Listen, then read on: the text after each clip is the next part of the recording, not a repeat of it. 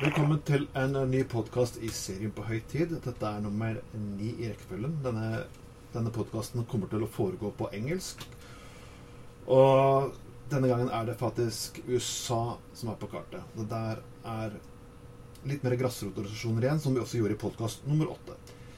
Denne gangen skal vi til Michigan. Um, og vi skal snakke med Michael Tuffmay. Hallo, Michael. Hi, thank you for having me. It was nice to see you in Norway. I have to say. It was great Uh, to be in Norway. people who didn't see uh, Michael's um, segment in Norway, you can go on Facebook and watch it all entirety there. On we also put it on YouTube, and we're also going to put a podcast on SoundCloud very soon. Well, when we've been doing this segment, we're also talking about the high people. We have um, Jason Reed, we have talk with people in Leap from California, and so on. But you are the grassroots of uh, pro pro pro movement in the United States. And well, since Trump uh, hell, how is it? How are you doing? Oh, well, we turned in our signatures um, two weeks ago. So we're waiting to see if those, uh, you know, we turned in over 350,000. Waiting to see if our, um, if they'll let us get on the ballot. It's not really let. They just have to verify the signatures, but we know they're valid. I mean, we've been doing our checks. And we're just getting prepared to start a, um, a campaign, you know, to, well, I wouldn't say start. I would say move into the second phase of the campaign. The first phase of collecting signatures. The second phase is to uh, do a statewide education and push to let people know why this is the right thing economically, socially, health-wise.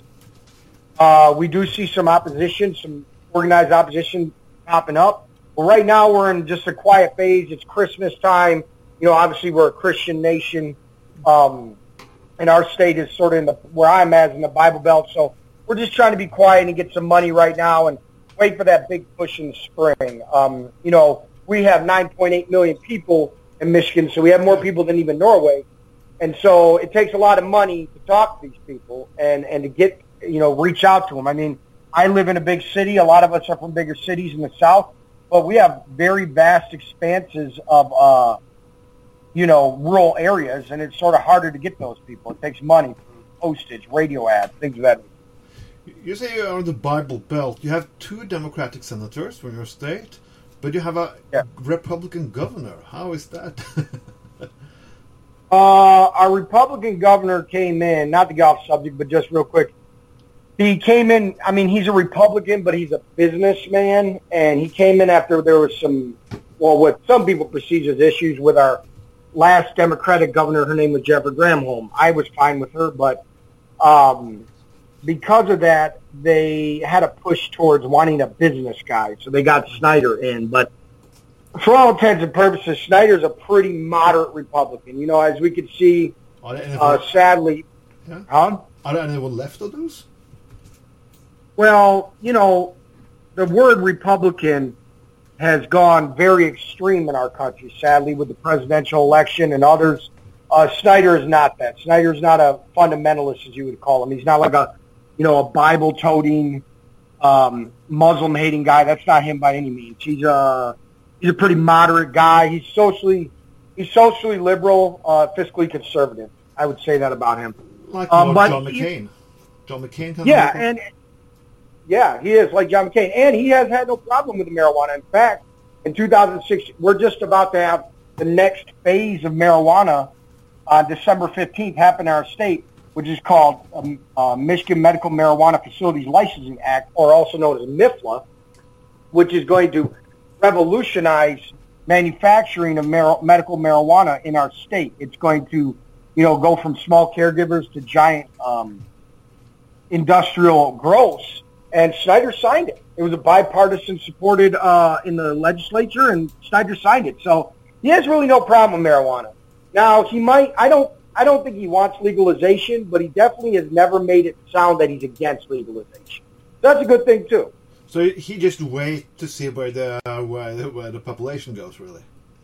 Well, yeah, and you know, in America, we got this thing where, like, you know, we're really, really big in democracy. We we we're really big in the. I'm not saying Norway's not. I'm just saying in America, we got this thing where, like, with, like politicians so that they can pass the buck, as we call it, you know, get the basically the responsibility off their shoulders.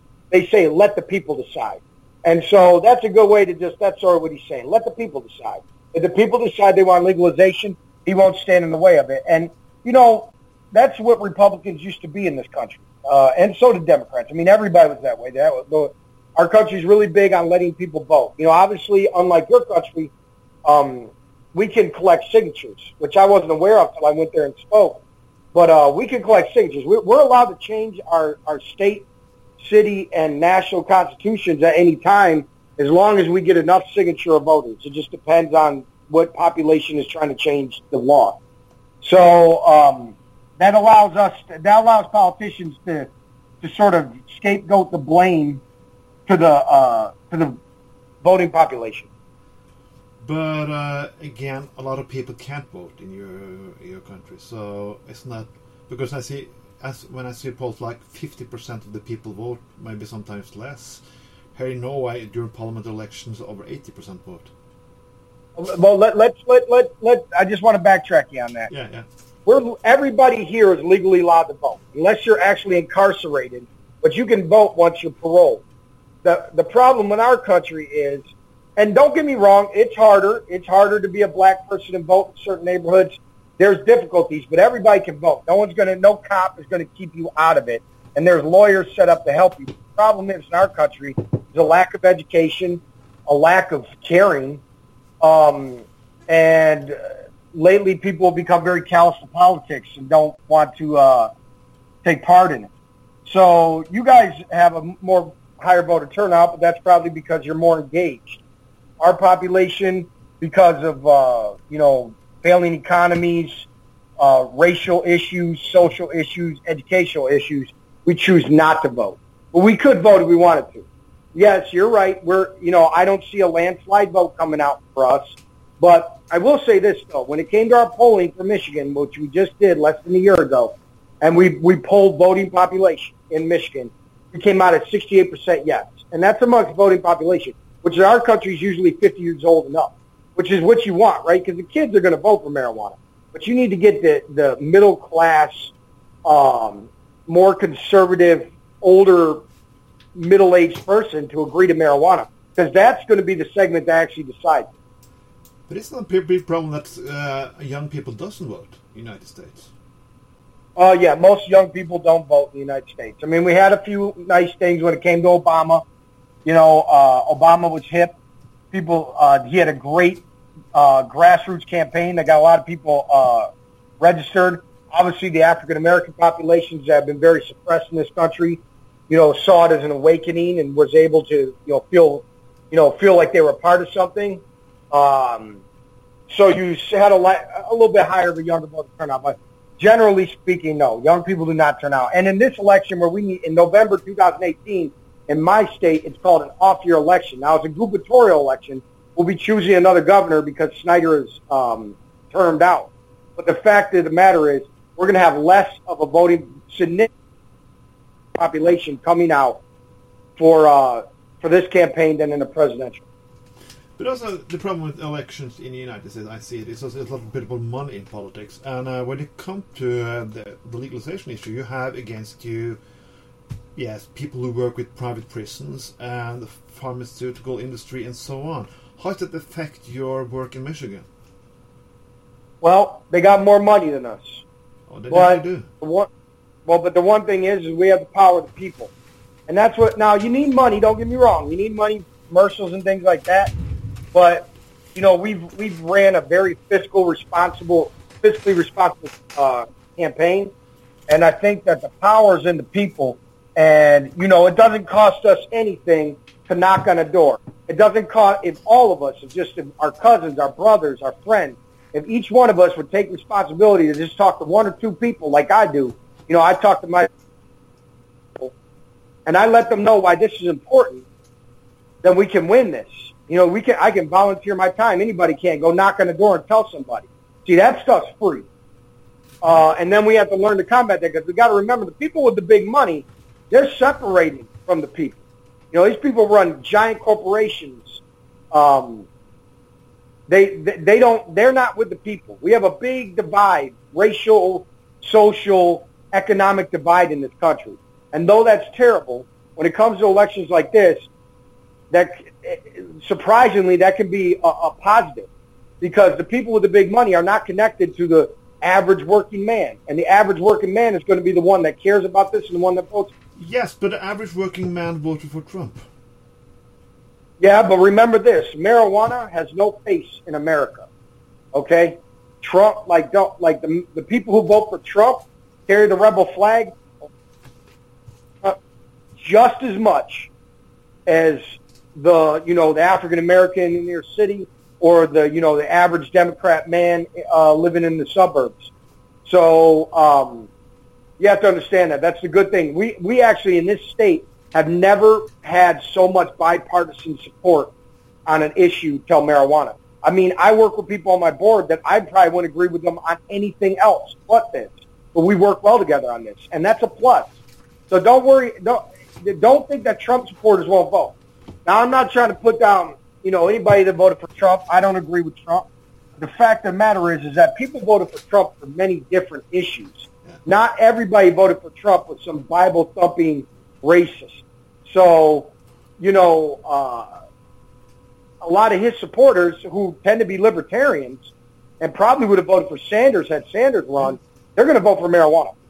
But I just want to explain that even liberals and Bible Belt conservatives are together on marijuana. That's uh, that's very interesting. Yeah. Well, you know, I think you know the best thing you can do in politics and in our society right now in America, right, because we're very uh, polarized, is to, um, uh, you know, look for more grounds that you can get to get, get along on. Stop looking for differences. Look for look for what what we match on. And marijuana has been something that we agree on. So that's good, and it's going to help us socially in this state. On other things, I guarantee it. Once marijuana passes, this this you know this this broad coalition of collaboration is probably going to help pass some other stuff. Well, uh, it's a lot about rumors of what is going on in the United States, like if the Color, uh, Colorado is, is a success or not. What do you have to say about that? Do you think the legalization in the few states who have done it in the United States now is a success? I mean, and as opposed to you think that we can utilize their models as a success model for my state and others? Yes, that's what I mean. Oh yeah, so um, yeah, I, it uh, I think at least for my state, one of the best things that we have going for us is that there are states that have gone before us, and obviously, you know, nothing's perfect at first. It takes a lot to work out kinks. There's lawsuits that happen in the state that uh, set precedent so that changes can be made for the better.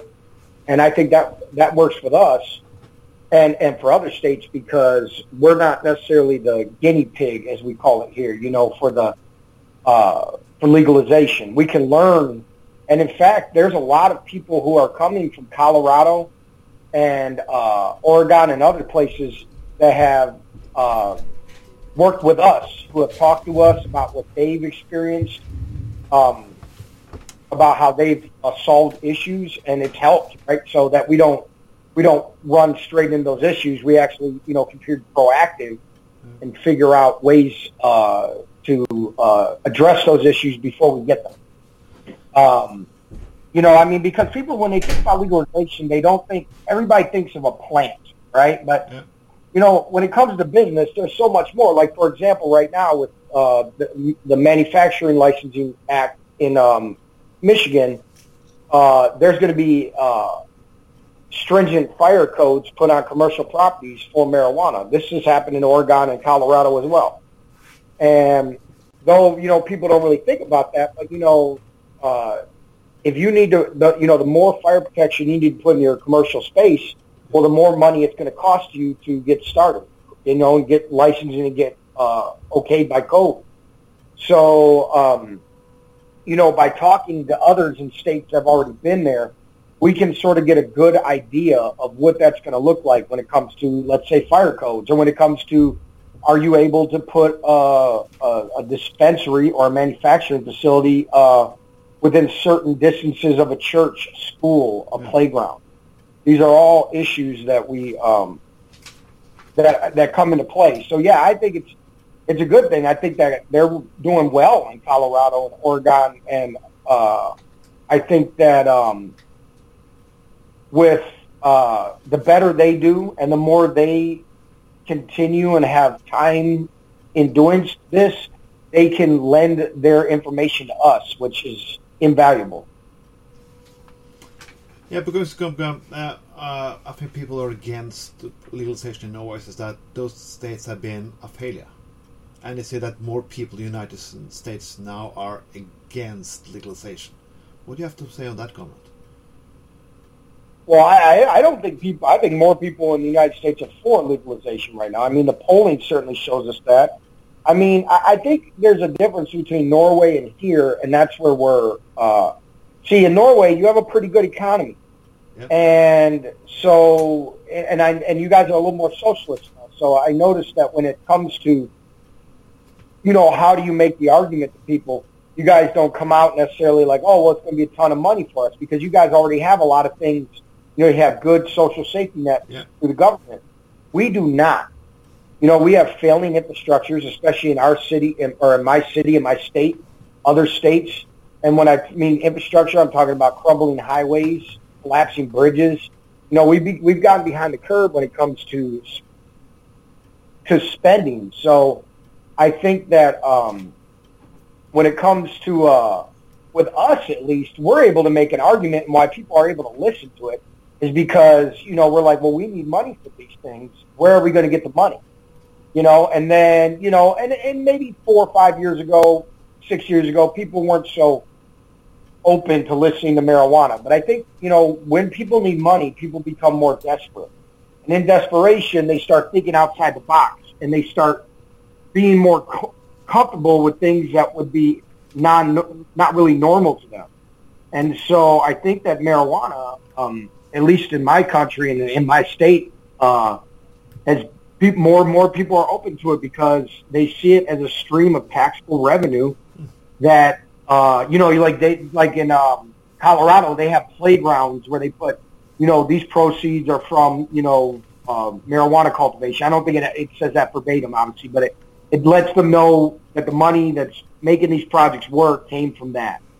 And so I think that, um, when it comes to Norway, uh, we're just in a different uh, light than you are in that country. Um, you know, you're going to have to make probably the more of a, a social argument where we don't need to be putting people in, in jails and prisons uh, for little nonviolent, uh, victimless crimes, right? I, I would just have to believe that. And another thing is you don't have overcrowding of your prisons and, and jails. We do.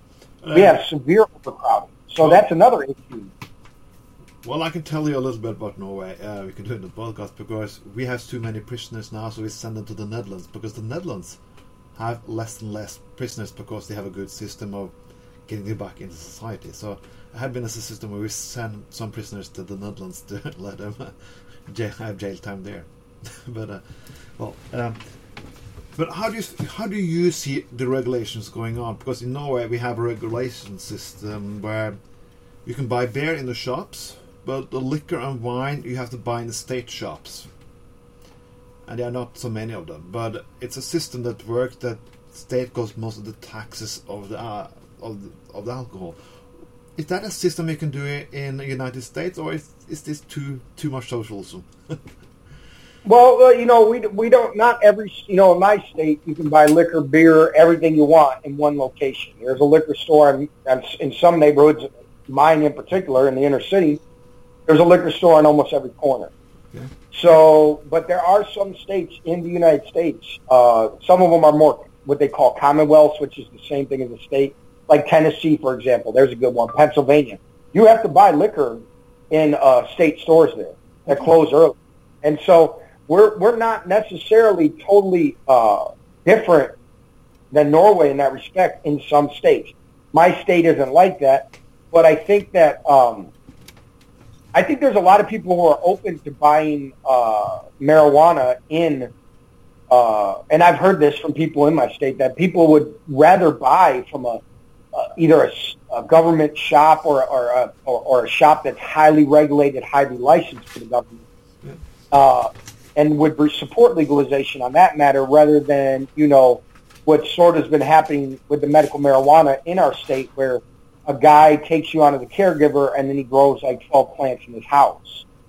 Um, and I think that, so actually I think that when it comes to marijuana, more government control actually uh, makes a lot of people more comfortable with the whole idea, you know, because uh, they see marijuana market as an unregulated market, which in a lot of respects it is. It's getting more regulated in our state, but it, for the most part, and for the last, you know, hundred years, it hasn't been regulated. So I think that though our country isn't totally open to a lot of government regulation on things, I think they're pretty open to government regulation on marijuana. It makes them feel safer. Well, I know uh, government is not a scary word when if we can use because you're not that, that afraid of the government. Uh, but it's not. I have to repeat because another argument who's been used here, you know, is like the you guys are supported by big cannabis. Then you have millions of millions of dollars going to you, and this is not about social issues. It's only about big corporation who wants in on the cannabis market. What do you have to say about that? Well, I mean, when you say you, you mean like Michigan in general, or you talking yes, or the general legalization movement in uh, in United States is supported by big cannabis people who only want to make money. What do you have to say? about Well, you know, uh, we're a capitalist country. Yeah. Right. I mean, that's just what we are. Whether that's good or bad, that's what we are. And though I personally, and I know a lot of, there, you know, there's a lot of others in the movement that would not like to see, you know, big pharma and all that take over marijuana.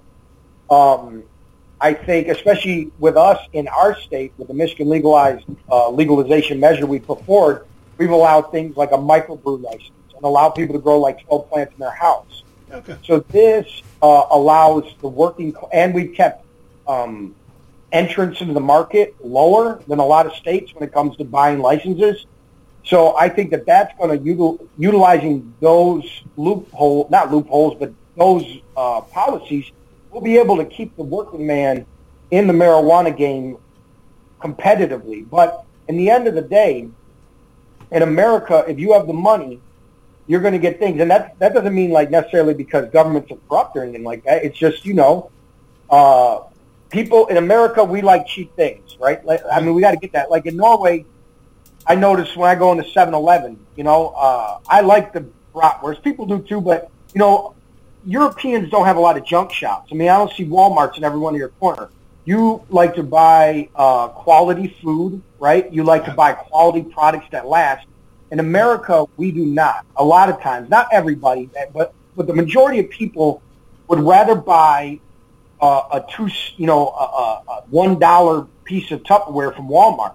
And so when you have that type of mentality, and the fact that our economies just aren't the greatest in any state in the United States, um, people are going to gravitate towards deals. You know, we're we're a country of deals. Like, you know, every I mean, every country likes a sale, likes a deal, but you go to our country, everything's a deal. You know, we price ourselves for deals. You know, we if you look at us, we price things at one ninety nine, even though it's two dollars. People don't see it like that. We every everywhere you go, sale this, sale that. So.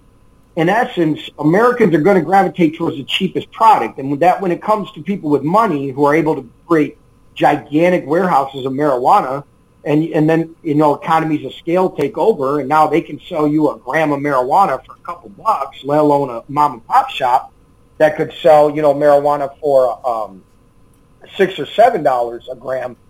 They're going to gravitate towards a cheaper price. There's nothing we can do about that, really. I mean, people. That's just how the economy rolls here. And and and you know, I wish it was different. Like you know, that's why when you go down to you know Oslo, and you walk through the streets, you see all these local businesses, right? I just, you know, because you guys don't go to a one-stop shop for your clothes and things like that. No. You go to shop to shop, and and that's good, but we don't do that. So, it that type of uh, market mentality is going to lead people to buy cheaper marijuana. That's just what it is, and uh, hopefully that changes. You know, there's a lot of places that like to put emphasis on local buying and things like that, but I think in the end of the day that's just not going to change overnight. So yeah, people with big money are going to get in, and we're not in a country where we pass laws or are going to be able to pass laws that bar people out of out of the market. You know, we have a free economy, so I, I can't tell, you know, some billionaire that he can't open a marijuana shop. It just it, it is, and and just to tie on that point, not to go overboard, but just so you understand where we're at right now in this, this policy in Michigan, with this new Michigan Medical Marijuana Facility Licensing Act, um, you have uh, you have they've set the bar very high. Like so, if you want the lowest license, it's going to cost you five thousand dollars just to get the license, and then you need to have one hundred and fifty thousand dollars in liquidity, right? Which for your average American is just not feasible. So that takes out your average, uh, um, you know, that takes out the average Joe. And we're already heading towards that, you know, we're already going towards that paradigm. So I don't see us changing anything anytime soon. That's just, I guess that's what I have to say about that. Okay. Um, talking about, um, you have a new I have to talk about Jeff Sessions because uh, for me that's the ghost from the past. It's like the ghost from the area of Ronald Reagan. Do you think he can stop it? Do you think he can stop the legalization movement? Uh, I mean, do I think he has the power to regulate on states? Yes, can it be, I can do. it be a but- Yeah, be a drawback. But- but- on, yeah, I guess it comes to a bigger thing, right? Like Trump supporters uh, also believe in states' rights and their rights.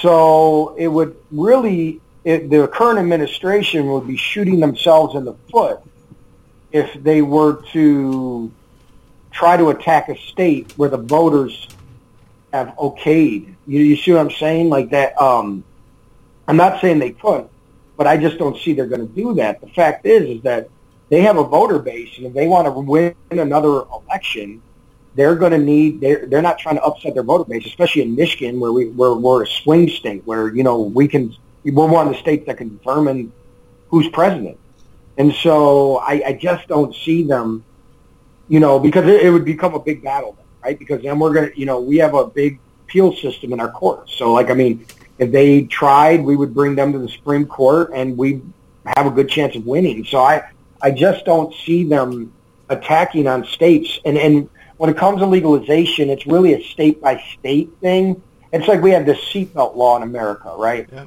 And some some states had seatbelt laws decades ago, and then some states just recently got seatbelt laws. So it, that's the same as marijuana. It's just going to be state by state and how this, those states feel at the time and if they're ready or not.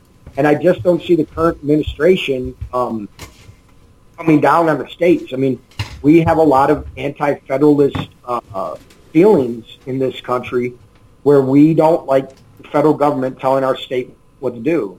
And I, so I just, I, I don't see that there's a lot of benefit in them trying to stop legalization.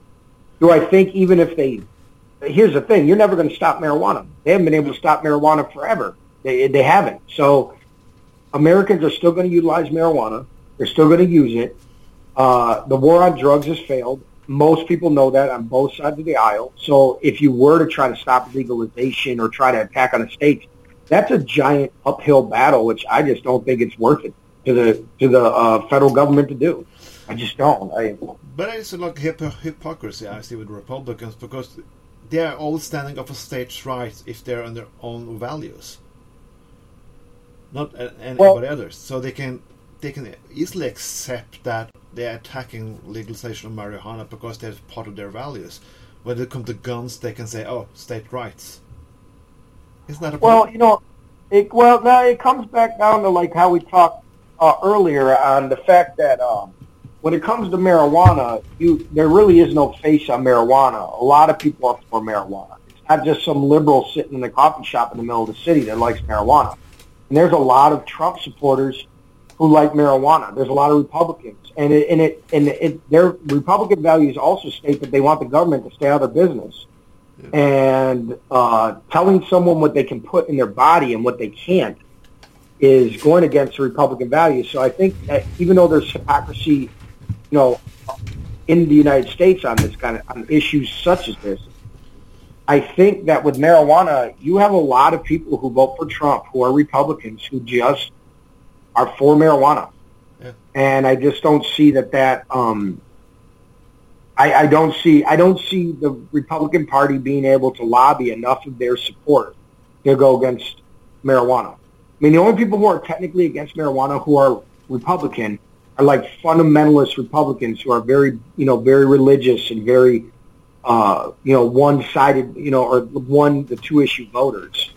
Uh, but your general American citizen, regardless of what they feel in their political ethos, is uh, generally for marijuana or at least not against it, not willing to like stand up and, you know, go door to door or tell their friends not to vote against it. I think your general people in this country just, yeah, I, I just don't see a movement like that. And when it comes to guns, when it comes to abortion, these are gigantic hotbed issues which are going to polarize people for years to come. But marijuana, uh, there's, I think there's a lot of gray area where you can win over supporters, and I think that the supporters who, I, I don't see any supporters who are like, you just don't see like it's like you see people who are anti uh, uh, guns or anti-abortion or any of that. You just don't see that kind of movement in this country when it comes to marijuana. It just, it just, I mean, it just doesn't seem to be a thing. You have mid-times, mid-terms elections next year. Do you think this is going to be an issue? For you, for the well, you're gonna, to, you're gonna you're gonna choose more people into the Senate and Congress. Do you think this is going to be a hot a hot issue uh, during the campaign? Uh, no, I, I don't know about that. I think that there's a lot of issues in America right now, and I think that marijuana won't be on the top of the list. Um, I mean, it's not like we're not used to states going legal. It's been happening for the last couple of years now. It's not news to anybody. And so I just, I, with our campaign personally in Michigan in November, I don't see it being an issue. In fact, I actually think it'll be a good thing because I think it's going to bring out a lot of people of color and younger voters to an election that normally they wouldn't come out to. And that usually will translate into um, more liberal open candidates being elected. I just have to ask you because um, the, when it comes to the fact of legalization, it also comes to the fact of race. A lot of black people are sitting in jail today because issues have nothing have to do with cannabis. And I read when it legalized in California that they still can jail people under 18 who use cannabis. So this, yes, it can still make that race war going on. Uh, what do you, what do you view on that? Well, uh, you know, sadly, we're always going to have racism in this country. I mean, I don't say always, but you know, it's it it continues and and has been and continues to be issue.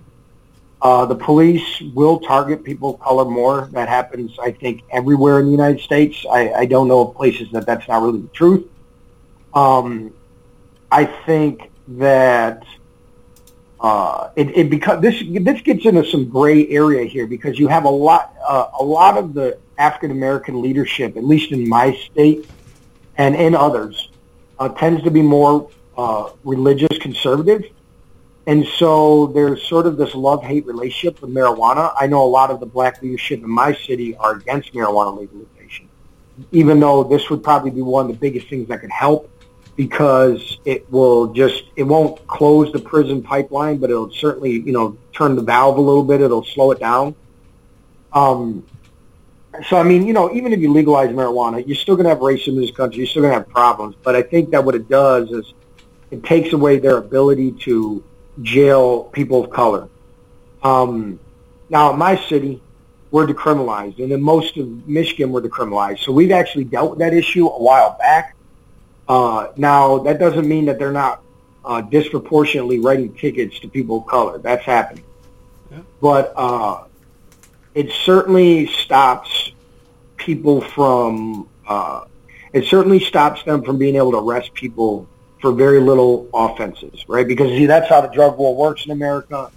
If they can find drugs on you, then it opens you up to so many different levels of the law. They could take your license, they could search your home.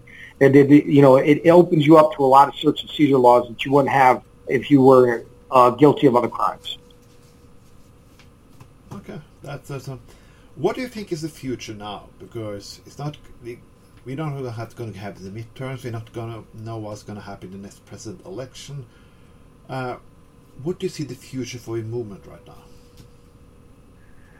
I think the future of this movement is is moving more towards a way like social justice in a way, and I don't know if that's bad or good. Um, you know, I, I, I started off in marijuana legislation and policy making because I'm the social justice bit. Yeah. But now I see that you have a lot of people who are just seeing the writing on the wall when it comes to business, and they want to be part of the business, and and there's nothing really wrong with that. So I think what I think what we're moving towards is more less, uh, you know, you know, righteousness. Like people should have a right to smoke marijuana or things like that. And I think we're moving more towards um, what a business is going to look like, and and business owners' rights and laws that help business owners and don't hinder them. And I believe that's the future. I, you know, the future is more like, you know, if you looked around 10 years ago, most people in the game were there because they mostly cared about racial injustice. Uh, they didn't like the prison uh, system and how it operated with, uh, you know, nonviolent small drug crimes. But I think now we're moving more towards um, business in general and what business is going to be. And I think when you see movements in this country, you're going to see movements more towards bettering businesses of marijuana than you are necessarily in like social justice issues. At least that's what I've seen. That's the end here, because uh, what do you have to say to your Norwegian uh, audience on how we're going to work further and how we're going to do this? How about you have to say to people who are skeptical in Norway to legalization? When it comes to results well, have in the United States, just a little, a little and well, you, share on the podcast. yeah, well, eh, from my point of view, being you know I wasn't in Norway that long, but I got to talk to a lot of people who are knee deep in the game, including yourself and others, to really get a good perspective on what's going on. And I think where it comes to Norway, your issues you need to work a little bit differently on basically first using social media to combat uh, stigmatisms, you know, don't just don't and don't just like put out advertisements say they're wrong, you know, and and you know, calling someone wrong does nothing but create more of an argument. I think the best thing to do is like you can speak truth to power by there's so much um, uh, articles out there and and st- scientific studies. Carl Hart, you know, Ethan Nadelmann. a lot of these people push this kind of stuff out there, and you could share that. You could do advertising campaigns on social media that uh, go against it. I think also, um, I think more and more people need to like do campaigns where they let people know that they utilize marijuana and not by doing it in a way that says like, oh, well, I smoke weed and this is me, but just showing that you're a person and you use marijuana and you're a productive person. I think in Norway, people probably a lot of times don't realize that maybe the guy next to him smokes weed. They probably have this idea in their head and that used to be the same way here, that like someone who smokes weed's probably living on the street, maybe, you know, begging for money or breaking and entering to steal things. That's not the truth at all. You know, your typical marijuana user is usually a young professional doing good things for their community and themselves. Yeah. And so I think like putting that out there more and more and then just showing that, you know, uh, and then, you know, intertwining that with, you know, when we, you know, you guys are very big in you know, everybody doing well so that the government and the country in itself does well. But if you can show that, you know, well, we're arresting young professionals, people who are, you know, you know, productive members of our society, we're arresting them for victimless crimes. Uh, arrest rates have never shown that, uh, especially in our country, you know, you can find articles that show that arrests, no matter how much you arrest people, you can never stop them from using drugs you know, drug use is usually based, you know, there's, and there's a difference because that's where Carl Hart comes in. There's a difference between drug use and abuse, just like there's a difference between alcohol use and abuse. You know, you can have a few wines at dinner, but if you're drinking like a fifth of liquor a day and you're not paying your bills or taking care of your kids, there's a difference there. And so like basically defining for, you know, trying using social media and other advertisement approaches to define the difference between use and abuse and then defining how, you know, productive members of society who have not hurt anybody who choose to smoke marijuana and then in, in doing so face strict penalties which then make them less productive to society, we're doing nothing, you know, you're really doing nothing but shooting your own society in the foot. You know, every time you put someone in jail for smoking a joint and they can't go to work and they can't produce for their families and they can't pay their taxes, well, you've actually cost your society more money socially and economically than it than it did uh, to you know, house them in jail or fine them. You know, you ne- you'll never make that money back. And so we and we've done that here. We've shown. I mean, when we decriminalized, we didn't come at it from a social standpoint. We came at it from an economic standpoint. And the fact was, in this uh, in our city alone, we were spending 2.5 million dollars to try to combat marijuana, and it was not working. So you know, and another thing that works too, and, and, and I'll end with this. Um, people, and I don't know in Norway it works as well, but people see numbers. You know, numbers are are something people can live. So if you guys can work together in your in your uh, you know in your uh, committees and your organizations and quantify. You know, say, well, hey, in Oslo, did you know we spend like three, four million dollars a year to combat marijuana, and it hasn't yet stopped the use of marijuana. So we're actually spending. We're you know we have this like just gushing out of money. But when you actually have like a number that you can put on Facebook, you don't have to explain that. If you just, you know, you can explain one sentence. People see, you know, four million dollars, five million dollars, regardless of what it is, or maybe not dollars, but you know, Norwegian crowns. And now people start to think like, oh my God, what is going on here? Because no matter who you are, no matter what you think, I don't think anybody want, wants to needlessly spend money. I just don't think. I don't think anybody out there wants to that. No, you're right about that. Well, Michael, that was nice talking to you. This is going to be a great podcast. We can uh, people listen to this and liked it. They can go to the Normal page on Facebook and look at his segment from Nordic uh, conference we had uh, in 2617 in uh, November. And be nice talking to you, Michael. It's nice talking to you too. Thank you for having me on your podcast.